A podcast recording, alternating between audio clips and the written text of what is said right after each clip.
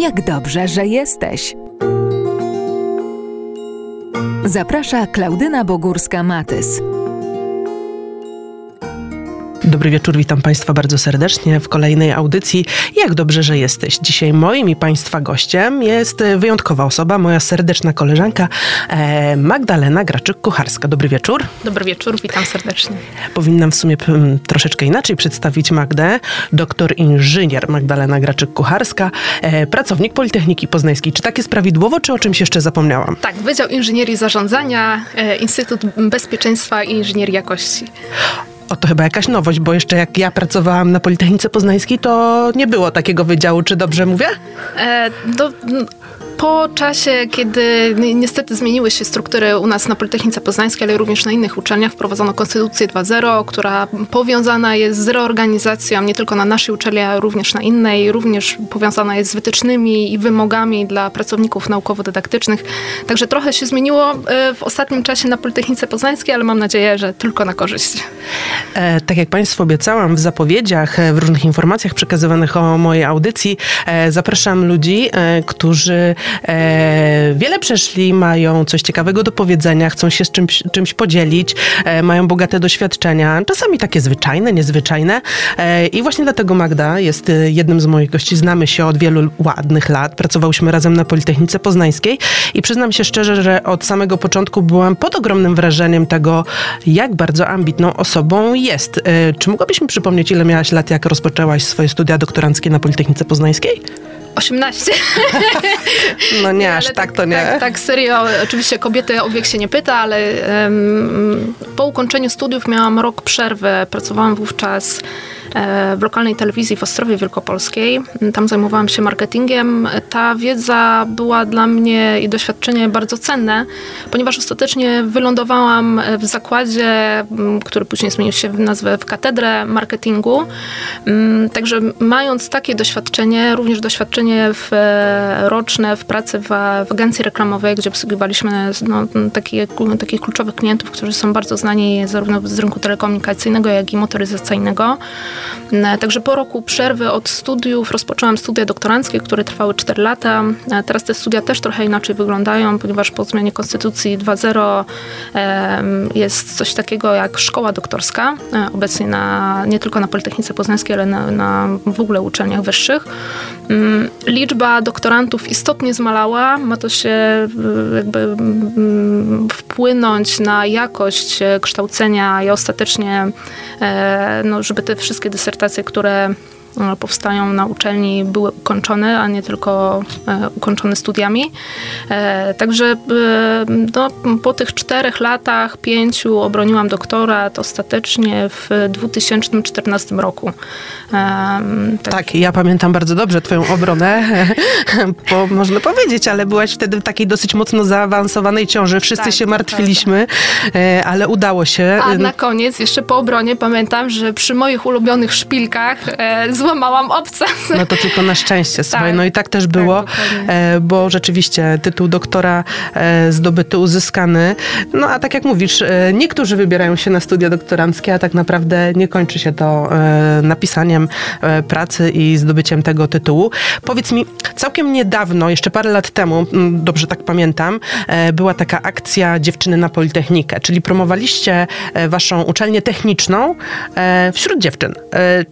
Jak to dzisiaj wygląda? Czy nadal są potrzebne takie akcje? Bo ja mam wrażenie, że tych dziewczyn na Politechnice jest naprawdę bardzo, bardzo dużo, że to się zmieniło. To chyba zależy też od kierunku kształcenia. Ja jestem tutaj na Wydziale Inżynierii Zarządzania na Politechnice Poznańskiej i u nas na wydziale jest, są kierunki, które związane są z zarządzaniem, e, ale są też związane z logistyką, inżynierią bezpieczeństwa. Na tych kierunkach, e, no tutaj warto dodać też, że te kierunki, które związane są z inżynierią zarządzania są również prowadzone w całości w języku angielskim. I tutaj mamy nie tylko osoby tutaj od nas z kraju, ale jest sporo osób z Azji, jest sporo osób, które przyjeżdżają na Erasmusy. To średnio jest około połowa grupy, więc mamy też no, liczne grono międzynarodowych studentów. Mm, z zagranicy w większości jednak są to osoby płci męskiej, mhm. że tak powiem. Natomiast jakbym miała mówić o przekroju płci na naszym wydziale, no to sporo jest jednak dziewczyn. E, na innych wydziałach jest to na pewno trochę inaczej, e, chociaż w ostatnim czasie realizując projekty u nas na Politechnice Poznańskiej w ramach inicjatywy Akcelerator Wiedzy Technicznej, mm, e, no jednym z takich projektów jest projekt współrealizowany z samorządem województwa wielkopolskiego, z Departamentem Edukacji E, i Nauki. e, z województwa wielkopolskiego i tam e, w tym projekcie też w ostatnim czasie zatrudnialiśmy różne osoby. Tak się złożyło, że jednymi z najlepszych kandydatów okazali się też kandydaci no tutaj od nas z Politechniki Poznańskiej. Bardzo bystrzy, tym bardziej, że potrzebowaliśmy kompetencji technicznych, między innymi w naszych laboratoriach, które rozwijamy. No i tam na przykład w ostatnim czasie zatrudniliśmy na część etatu studentkę z Wydziału Telekomunikacji, która ma się zajmować między innymi działaniami w zakresie rozwoju technologii wirtualnej rzeczywistości. E, też będzie zajmować się między innymi e, drobnymi pracami związanymi z programowaniem e, w tym środowisku. Natomiast no, tu trzeba potwierdzić, że nie tylko mężczyźni tutaj kształcą się i rozwijają swoje kompetencje na Politechnice Poznańskiej. Faktem jest, że jest coraz więcej kobiet. Natomiast na tych ściśle ścisłych kierunkach, na, na kierunkach technicznych, typowo technicznych, jak e, e, informatyka, e, automatyka, no tu nadal, no, jeśli chodzi o procentowy podział, to królują mężczyźni. No, mm, ostatnio też mieliśmy na Politechnice Poznańskiej wycieczkę uczniów e, ze szkoły podstawowej e, z siódmej klasy. Organizujemy takie wycieczki do laboratoriów. Nie są to tylko uczniowie szkół podstawowych, ale czasami liceum. Ci uczniowie, e, no, takie było pytanie, bo też akurat miałam okazję z nimi porozmawiać i poprowadzić krótkie zajęcia. Mm, zapytałam, w jakim kierunku chcą się rozwijać e, i oczywiście tak e, była mowa o tym, że no, kosmetologia jest, jest e, możliwe, żeby rozwijać się w kierunku kształcenia, jeśli chodzi o kucharzy, ale też właśnie te ścisłe kierunki.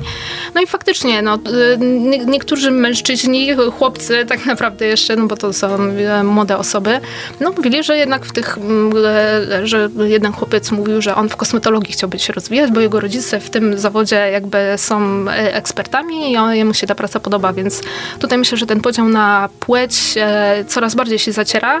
Mm, no i myślę, że warto, e, warto tutaj iść w kierunku, w którym mamy predyspozycję, bo to jest przede wszystkim najważniejsze. Myślę, że jeśli ktoś gdzieś wewnętrznie czuje i od lat mm, wykazuje pewne umiejętności, na przykład ściśle związane z umiejętnościami matematycznymi, technicznymi, e, no to warto, żeby w tym kierunku dalej się rozwijał, żeby tego nie porzucał. E, natomiast jeśli ktoś e, wykazuje te umiejętności bardziej kreatywne, no to w tym kierunku warto, żeby no, zdobywał doświadczenie, a później pracował, bo myślę, że w każdym zawodzie potrzebujemy tutaj osób po to, żeby nasze życie było ciekawe i jakość życia była odpowiednia. Ja tak myślałam właśnie, że zapraszając Ciebie do studia będzie mnóstwo ciekawych tematów i nie ukrywam, że już myślę o tym, że spotkamy się za jakiś czas znowu żeby e, porozmawiać szerzej, e, ale mm, teraz podpytam Cię o jedną rzecz. Akcelerator wiedzy technicznej. Brzmi to bardzo skomplikowanie. Co to właściwie jest tak naprawdę i co się za tym kryje? To jest taka e, idea, która powstała na Politechnice Poznańskiej. E, ja będąc, zaczynając pracę na Politechnice Poznańskiej, to był rok 2009, Poznałam e, osoby, z którymi rozpoczęłam pracę w katedrze marketingu. E, to były osoby, które miały, e, rozpoczęły właśnie tworzenie tej idei. Ta idea powstała w 2007 roku mm, przez doktora inżyniera Macieja Szefrańskiego, doktora inżyniera Marka Golińskiego, ale też kolegów spoza uczelni wówczas, czyli Krzysztofa Grupki i Anny Tatarskiej mm, w późniejszym czasie. Też na początku też istotny wpływ miała Ewa Więcek-Janka, oni siedząc w w, no, nie chcę powiedzieć czeluście, ale w pomieszczeniach naszego budynku jeszcze wówczas, który mieścił się na, przy ulicy Strzeleckiej, zaczęli rozmawiać, w jaki sposób można prowadzić badania naukowe. Wówczas środków na projekty było niewiele. Były projekty kabanowskie, wówczas jeszcze nie było Centrum Narodowego Centrum Nauki, z którego finansowane są typowo projekty badawcze, czyli takie, które nie można bezpośrednio zaimplementować, tylko mają na celu odkrycie nowej wiedzy, czy tak, tak naprawdę nieimplementowalne rozwiązania. To jest tak naprawdę nauka w, w takim szerokim pojęciu no, no, tych działań, które mają być realizowane, analizowane, badania, dane i tak dalej. E, wówczas tych środków było bardzo niewiele. E, no i koledzy zaczęli się zastanawiać, w jaki sposób można pozyskać dane, w jaki sposób można rozwijać prace naukowe, po to, żeby y, no, te badania jednak w, w tym obszarze, który nas interesuje, można było prowadzić. Jednym z istotnych e, takich celów, e, problemów badawczych, które zostały odkryte wówczas przez, przez kolegów, było to, że istotne e, jest niedopasowanie potrzeb, e, znaczy podaży kompetencji do popytu. Czyli tak naprawdę uczymy się tego, co niekoniecznie potrzebujemy, ale mamy też kompetencje nadmiarowe, które być może nie są wykorzystywane na rynku pracy. No i była taka idea, żeby właśnie stworzyć taki system, który w, w sposób automatyczny będzie w stanie weryfikować to, co dzieje się na rynku pracy. Mm, czyli tutaj tak to przez nas e, wcześniej zostało nazwane, czyli ucho luki e, kompetencji, e, z tym, co jest nadmiarowe, czyli to E, to, co dany kandydat posiada za dużo, ale być może mogłoby być również wykorzystywane w ramach rozwoju danej organizacji. Taki system powstał, on jest e, obecnie wdrożony, rozwijany, e, nazywa się system zawodowcy.org. Tam e, są dwa moduły, moduł e-rekrutacyjny i moduł e-learningowy. E, no tutaj mogłabym dużo na ten temat powiedzieć, ale być może będzie też inna okazja, żeby E, to brzmi wszystko bardzo interesująco. Ja jestem ciekawa, jak to wygląda po tych wszystkich latach, bo mówię, że e, pomysł powstał na Strzeleckiej w 2007 roku. No dzisiaj jesteśmy e, w 2021.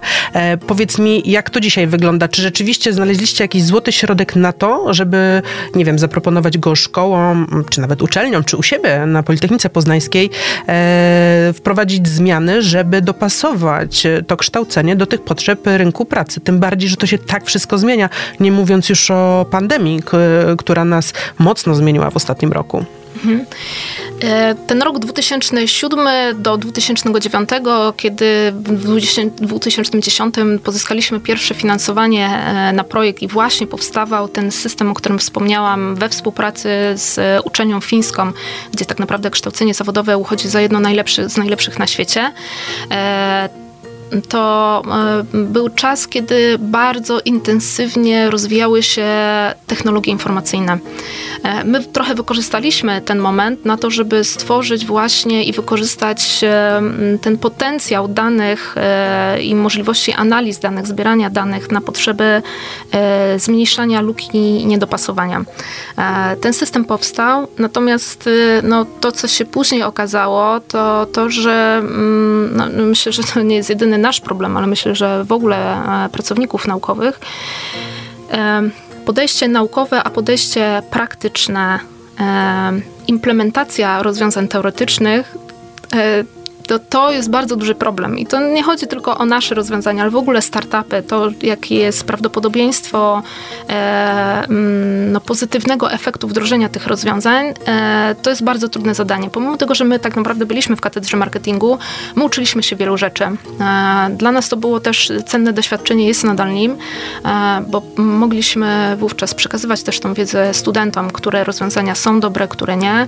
E, tak naprawdę prowadząc teraz zajęcia między innymi z marketingu internetowego i mobilnego, czy marketingu w e-biznesie, jesteśmy w stanie na e, konkretnych e, przykładach pokazywać, co, co warto realizować. Tak naprawdę dzięki temu projektowi również no, poznaliśmy różne technologie, między innymi eye trackingu, face readingu, teraz wejdzie VR, te wszystkie narzędzia, które są wysokich technologii tak naprawdę, jesteśmy w stanie włączać na zajęciach i pokazywać te, te rozwiązania, przynajmniej z naszą wiedzą. Ale żeby dobrze zrozumieć, te zajęcia, o których mówisz, te eye trackingi, face trackingi, e, wolałabym, żebyś też powiedziała, co to jest tak dosłownie w paru zdaniach, to jest przeznaczone dla uczestników tego projektu e, dla zawodowców, czy to jest dla studentów Politechniki Poznańskiej? E, po drodze opowiadałaś też o uczniach szkoły podstawowej, żeby nasi słuchacze dobrze zrozumieli, dla kogo jest ten projekt i kto może e, tych nowych technologii, e, te nowe technologie poznawać e, i przyjść na laboratoria do Was. W ramach projektu Czas Zawodowców e, mamy cztery obszary działań. E, te cztery obszary działań angażują wiele osób, e, nie zawsze na pełen etat, czasami na część etatu, natomiast powstanie produktów jako rezultatów tego projektu no, wymaga pracy całego zespołu. Staramy się, żeby poszczególne te produkty były powiązane ze sobą, między innymi tym systemem, o którym wspominałam. I teraz, gdybym miała wymienić te poszczególne elementy tego projektu, to po pierwsze są to zajęcia dodatkowe w laboratoriach, gdzie Y, grupą docelową w ogóle w ramach projektu są uczniowie szkół technicznych y, z terenu Wielkopolski. My mamy tutaj podpisane porozumienie z 81 szkołami. W ramach tej współpracy i tego porozumienia ze szkołami nauczyciele również mogą podnosić swoje kompetencje zawodowe poprzez szkolenia, studia podyplomowe, mm, praktyki czy staże w firmach, gdzie mogą odświeżyć swoją wiedzę, mm, no taką praktyczną do tego, żeby te kompetencje zawodowe e, no, były lepiej kształcone e, w szkołach technicznych. E, I teraz w ramach laboratoriów uczniowie przyjeżdżają do trzech lokalizacji takich laboratoriów. Mamy lokalizację laboratoriów w Poznaniu, Pile i w Kaliszu. Laboratoria obejmują 12 zawodów. Tam uczniowie 40 godzin, czyli tydzień roboczy, rozwiązują różne case'y, zapoznają się z różnymi materiałami, są wspierani również działaniami w zakresie rozwoju kompetencji, czyli tak zwanym doradztwem zawodowym. E, ale też e, poznają e, swoje umiejętności i potrzeby rynku pracy, czyli to też jest praca z systemem, gdzie mogą zobaczyć, czy, te, czy ta wiedza, która jest zdobywana w laboratoriach, w jaki sposób przekłada się na rynek pracy i potrzeby pracodawców. E, te potrzeby pracodawców określamy też przez modele referencyjne, czyli najczęściej wymagane umiejętności na określonych stanowiskach pracy. Takich modeli referencyjnych mamy obecnie w systemie ponad 116, e, więc w sposób automatyczny również każdy kandydat jest w stanie zweryfikować to, co umie, a co umieć jeszcze powinien, e, jak skończy szkołę, czy też pójdzie dalej się kształcić. Ostatnio układamy również te modele referencyjne w ścieżki karier, czyli od praktykanta, stażysty po kierownika na przykład produkcji. Każdy może zobaczyć, na jakim etapie czego mu jeszcze brakuje. Tu myślę, że są bardzo fajne e, rozwiązania w kierunku e, no, też doradztwa zawodowego i rozwijania e, umiejętności. To teraz muszę ci przerwać, bo ja muszę wrócić do tej grupy z, ze szkoły podstawowej. Zadaliście pytanie dzieciom, kim chcą być w przyszłości. No, pewnie nie każdy umiał powiedzieć, nie każdy może też zrozumiał do końca pytanie, tak, e, bo nie wiem, ile lat miały dzieci, czy 7, czy 15.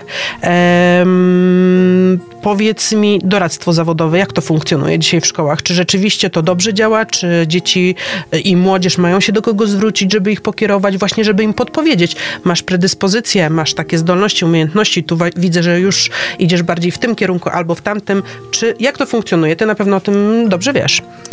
Um, jakiś czas temu um kiedy realizowaliśmy jeszcze pierwszą edycję projektu, doradców zawodowych praktycznie w Wielkopolsce nie było. Teraz formalnie w każdej szkole musi być jakaś przynajmniej część etatu, e, którą e, obejmuje właśnie doradca zawodowy. I w ramach tego doradztwa zawodowego e, jakby prowadzone są różne zajęcia właśnie, które związane są z mm, rozwojem kompetencji tych osób, związane z rynkiem pracy, no i te działania, które związane są z samorozwojem, motywacją, no dążeniem do, do ciągłego rozwoju.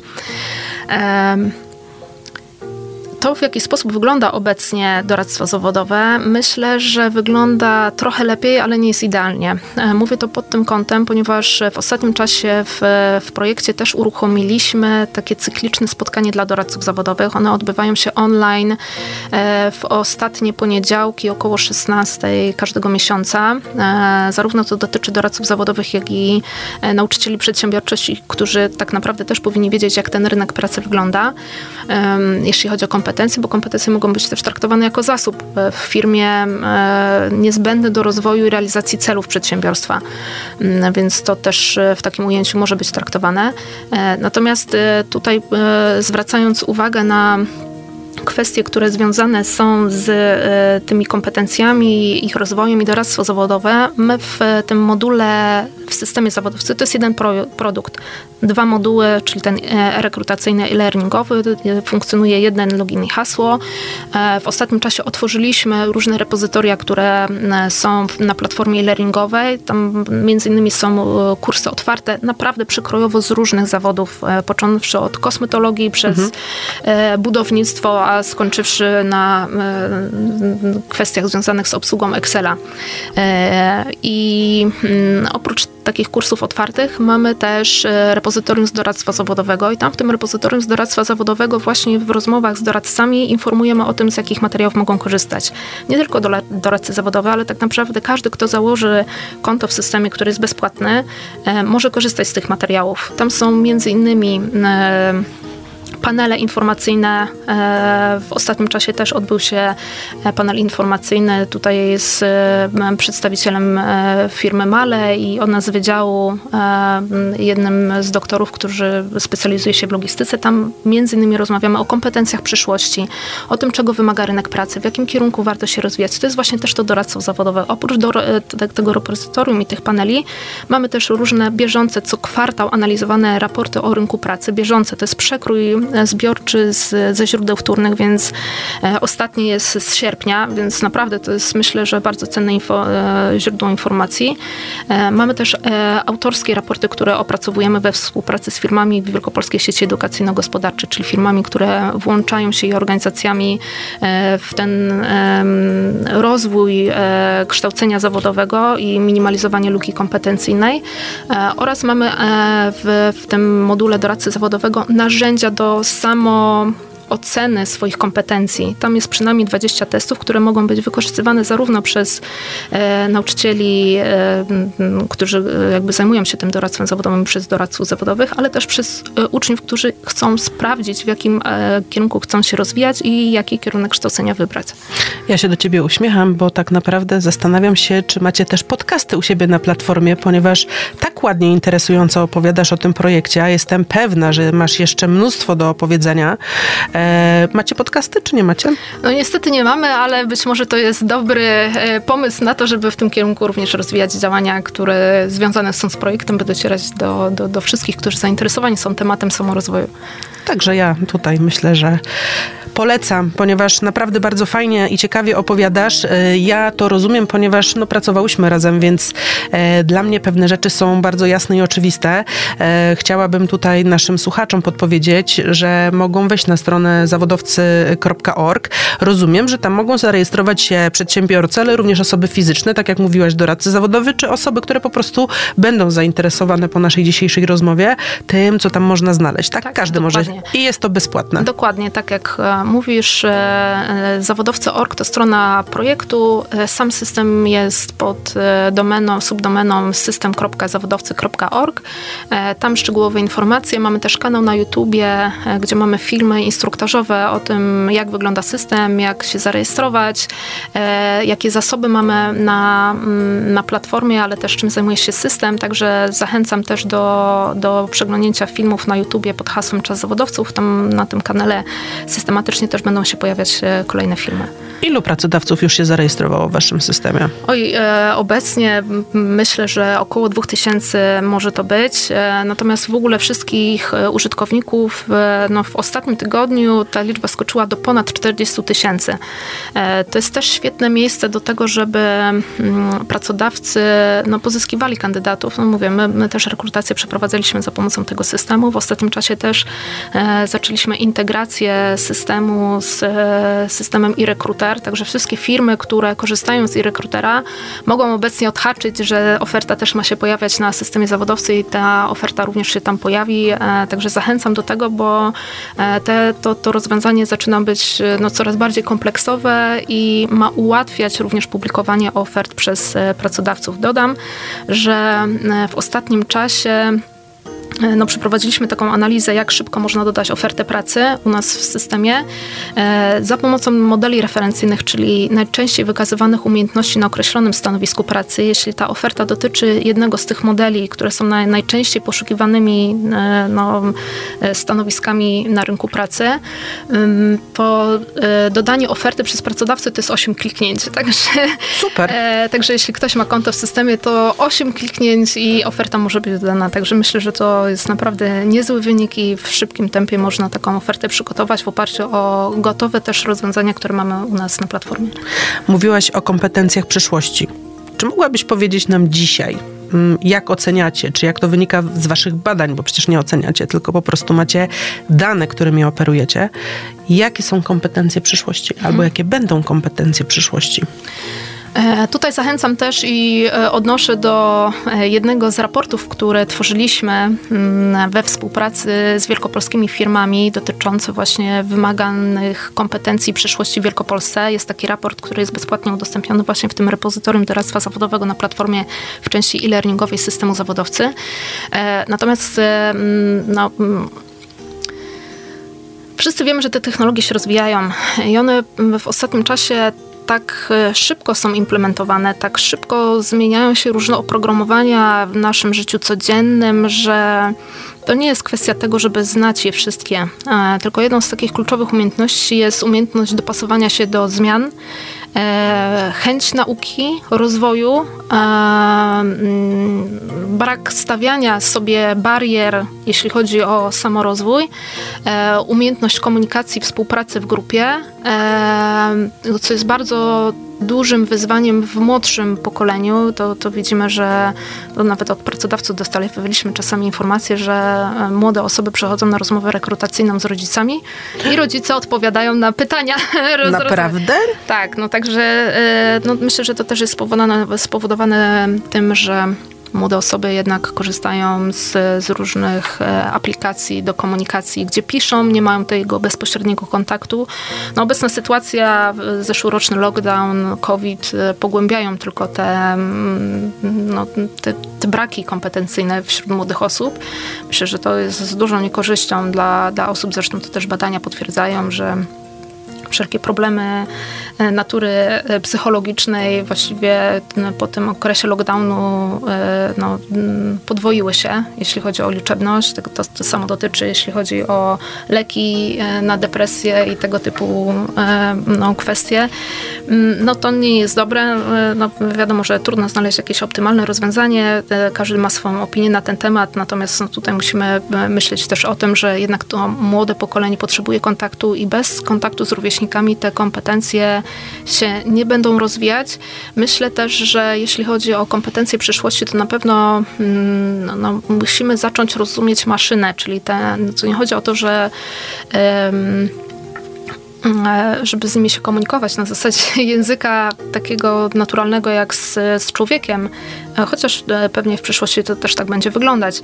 Chodzi o to, żeby rozumieć, w jaki sposób funkcjonują maszyny, jak funkcjonują technologie, jakim językiem się posługują, e, w jaki sposób zadać pytanie. Tak samo to zadajemy pytanie Google'owi, tak? Google ewoluował, jeśli chodzi o te algorytmy zapytania. Po, na, na początku wpisywano tylko hasło, gdzie wyskakiwały odpowiednie um, odpowiedzi, natomiast ten algorytm Google też ewoluował do tego stopnia, że zadajemy wprost całe zdanie w pytaniu i Google nam odpowiada. E, więc to jest właśnie też ta technologia, czyli musimy rozumieć, w jaki sposób możemy pytać, w jaki sposób możemy korzystać z danych, co nam może to, mm, w jakim sposób może nam to pomóc, e, e, czy i w jaki sposób na przykład sieci neuronowe, sztuczna inteligencja, czy też inne metody statystyczne do analiz wielowymiarowych danych może nam pomóc w określaniu pewnych wyników co jest kluczowe w rozwoju. My na przykład takie mm, sztuczne e, sieci neuronowe czy, e, czy analiza wielowymiarowa e, jest wykorzystywana przez nas do analizy właśnie kompetencji w zakresie luk kompetencyjnych. Też staramy się e, tworzyć tego typu algorytmy matematyczne, e, biorąc pod uwagę wiele zmiennych, poszukiwać, co jest istotne w rozwoju kompetencji. No i tak naprawdę też pierwsze efekty mamy na stronie awt.org.pl też w zakładce publikacje są one dostępne, mm, także też zachęcam, jeśli kogoś to interesuje, można tego typu informacje znaleźć. Ja tylko chciałam powiedzieć, że zaczęliśmy od, zaczęłyśmy, przepraszam, e, od dziewczyn na Politechnice. E, dużo było o technologiach, e, o komputerach, o eye trackingach, face trackingach, o tych wszystkich technologiach, ale w momencie, kiedy zadałam pytanie o te kompetencje przyszłości, to tak naprawdę wymieniłaś te miękkie kompetencje, umiejętności, tak? Tak, natomiast tutaj, jeśli no, mogę proszę. Dlaczego tak się zastanawiam? Bo e, rozmawiając z pracodawcami, kiedy prowadziliśmy wywiady grupowe z pracodawcami, jakie są wymagane kompetencje przyszłości, tam te kompetencje techniczne też się pojawiały. I one są wymienione w tym raporcie, w ten, jak, jak, ktoś chce, to, to może sobie je odnaleźć. E, natomiast e, no, myślę, że kluczem do rozwoju też kompetencji technicznych są kompetencje miękkie. Bo w ogóle czym są kompetencje? Kompetencje są definiowane jako wiedza, umiejętności i postawę. E, często mówimy tylko o umiejętnościach, e, natomiast wiedza, czyli to, co wiemy, też jest istotne, ale też postawy, czyli to, czy chcę e, się rozwijać, czy jestem otwarta na zmiany. To jest taki, bym powiedziała, katalizator do rozwoju wiedzy i umiejętności. E, dlaczego o tym mówię? Dlatego, że często młodym osobom właśnie tego brakuje. E, I tak sobie też ostatnio z tą grupą młodych osób rozmawiałam u nas w laboratorium i pytałam, czy każdy z Was wie, albo czy ktokolwiek z Was nie wie, jakie ma predyspozycje, co lubi. E, no i później się okazywało, że no, ja lubię e, roboty i w tym kierunku chcemy się rozwijać. I to tak naprawdę już teraz pokazuje, nawet jeśli to są osoby siódmoklasiści, gdzie mają, nie wiem, powiedzmy te 14 lat e, czy 13. Jeśli oni już wiedzą, co lubią, niech to, to, to, nie jest kwestia tego, żeby być świetnym we wszystkim, ale bądź najlepszy w tym obszarze, który Ciebie interesuje. Czytaj, dowiaduj się, mm, zainteresuj się. To jest właśnie też ta postawa, którą e, powinniśmy promować, bo jeśli ktoś jest zainteresowany, to to nie jest już kwestia tego, żeby definiować dla nich odpowiednie kompetencje, bo on po prostu sam, e, on lub ona będą po prostu się w tym kierunku e, rozwijać, będą specjalistami. Tutaj warto też zwrócić uwagę, że ze względu na to, że te technologie wkraczają w każdy obszar, nie tylko ten czysto techniczny, produkcyjny, tak jak jak tutaj mówimy o Politechnice Poznańskiej, ale właśnie ostatnio e, kolega też zwrócił uwagę, że tak naprawdę logistyka może być e, E, w obszarze medycyny. E, logistyka też jest w e-commerce. Ta logistyka w każdym obszarze może być inna i tak jak my ukształcimy logistyków, tak tak naprawdę wymagania kompetencyjne będą zróżnicowane i tylko od naszej postawy, tego czy chcemy się rozwijać, e, no, jesteśmy w stanie dążyć do tego, żeby być no, najlepszym, chociaż w tej wąskiej dziedzinie, a technologie zawsze będą na nas wymagać to, że będziemy dążyć do coraz większej specjalizacji. No ale ja właśnie myślę, że tutaj musimy powiedzieć, E, że nie tylko dwunastolatka, dwunastolatek ma sobie zadać pytanie, co lubię i, i skupić się na tym, żeby być właśnie e, dobrym w czymś e, określonym, ale my, dorośli nawet, musimy się uczyć przez całe życie i dopasowywać się do tych wszystkich zmian, które się dzieją. Po prostu dzieją się na co dzień i nie możemy poprzestać na tym, czego się nauczyliśmy 5, 10, 15 lat temu, tylko dobrze by było, gdybyśmy znaleźli sobie tę dziedzinę, czy, czy malutki obszar, e, o którym chcielibyśmy wiedzieć e, więcej, lepiej. E, zgodzisz się ze mną, że uczymy Dokładnie się przez tak. całe życie. Dokładnie tak, zgadzam się z tym w 100%. Myślę, że to jest właśnie kierunek, w, w którym powinniśmy iść każdy z nas. Szanowni Państwo, e, moim i Państwa gościem była doktor inżynier Magdalena Graczyk-Kucharska. Dziękuję bardzo. Dziękuję serdecznie. Ja podejrzewam, że po tej audycji dostaniemy informację, że macie Państwo niedosyt. Ja ze swojej strony mogę tylko obiecać, e, że jeśli tak będzie, to za jakiś czas zaproszę Magdę znowu tutaj do siebie, chociaż rozpoczął się rok akademicki. E, Magda jest bardzo zajęta ze swoimi studentami, ale wierzę, że znajdzie dla nas czas, prawda? Tak, dziękuję serdecznie. Ja e, bardzo dziękuję za to, że Państwo zechcieliście wysłuchać e, tej rozmowy. E, czuję też niedosyt, bo chciałabym być może też poruszyć inne aspekty związane na przykład z ekologistyką, ochroną środowiska i innymi. A ja mogę tylko powiedzieć, że ta audycja będzie również na naszym Spotify'u, także pierwszy podcast do wykorzystania na Waszej platformie. Już będzie. Dziękuję bardzo. Dziękuję serdecznie. Jak dobrze, że jesteś.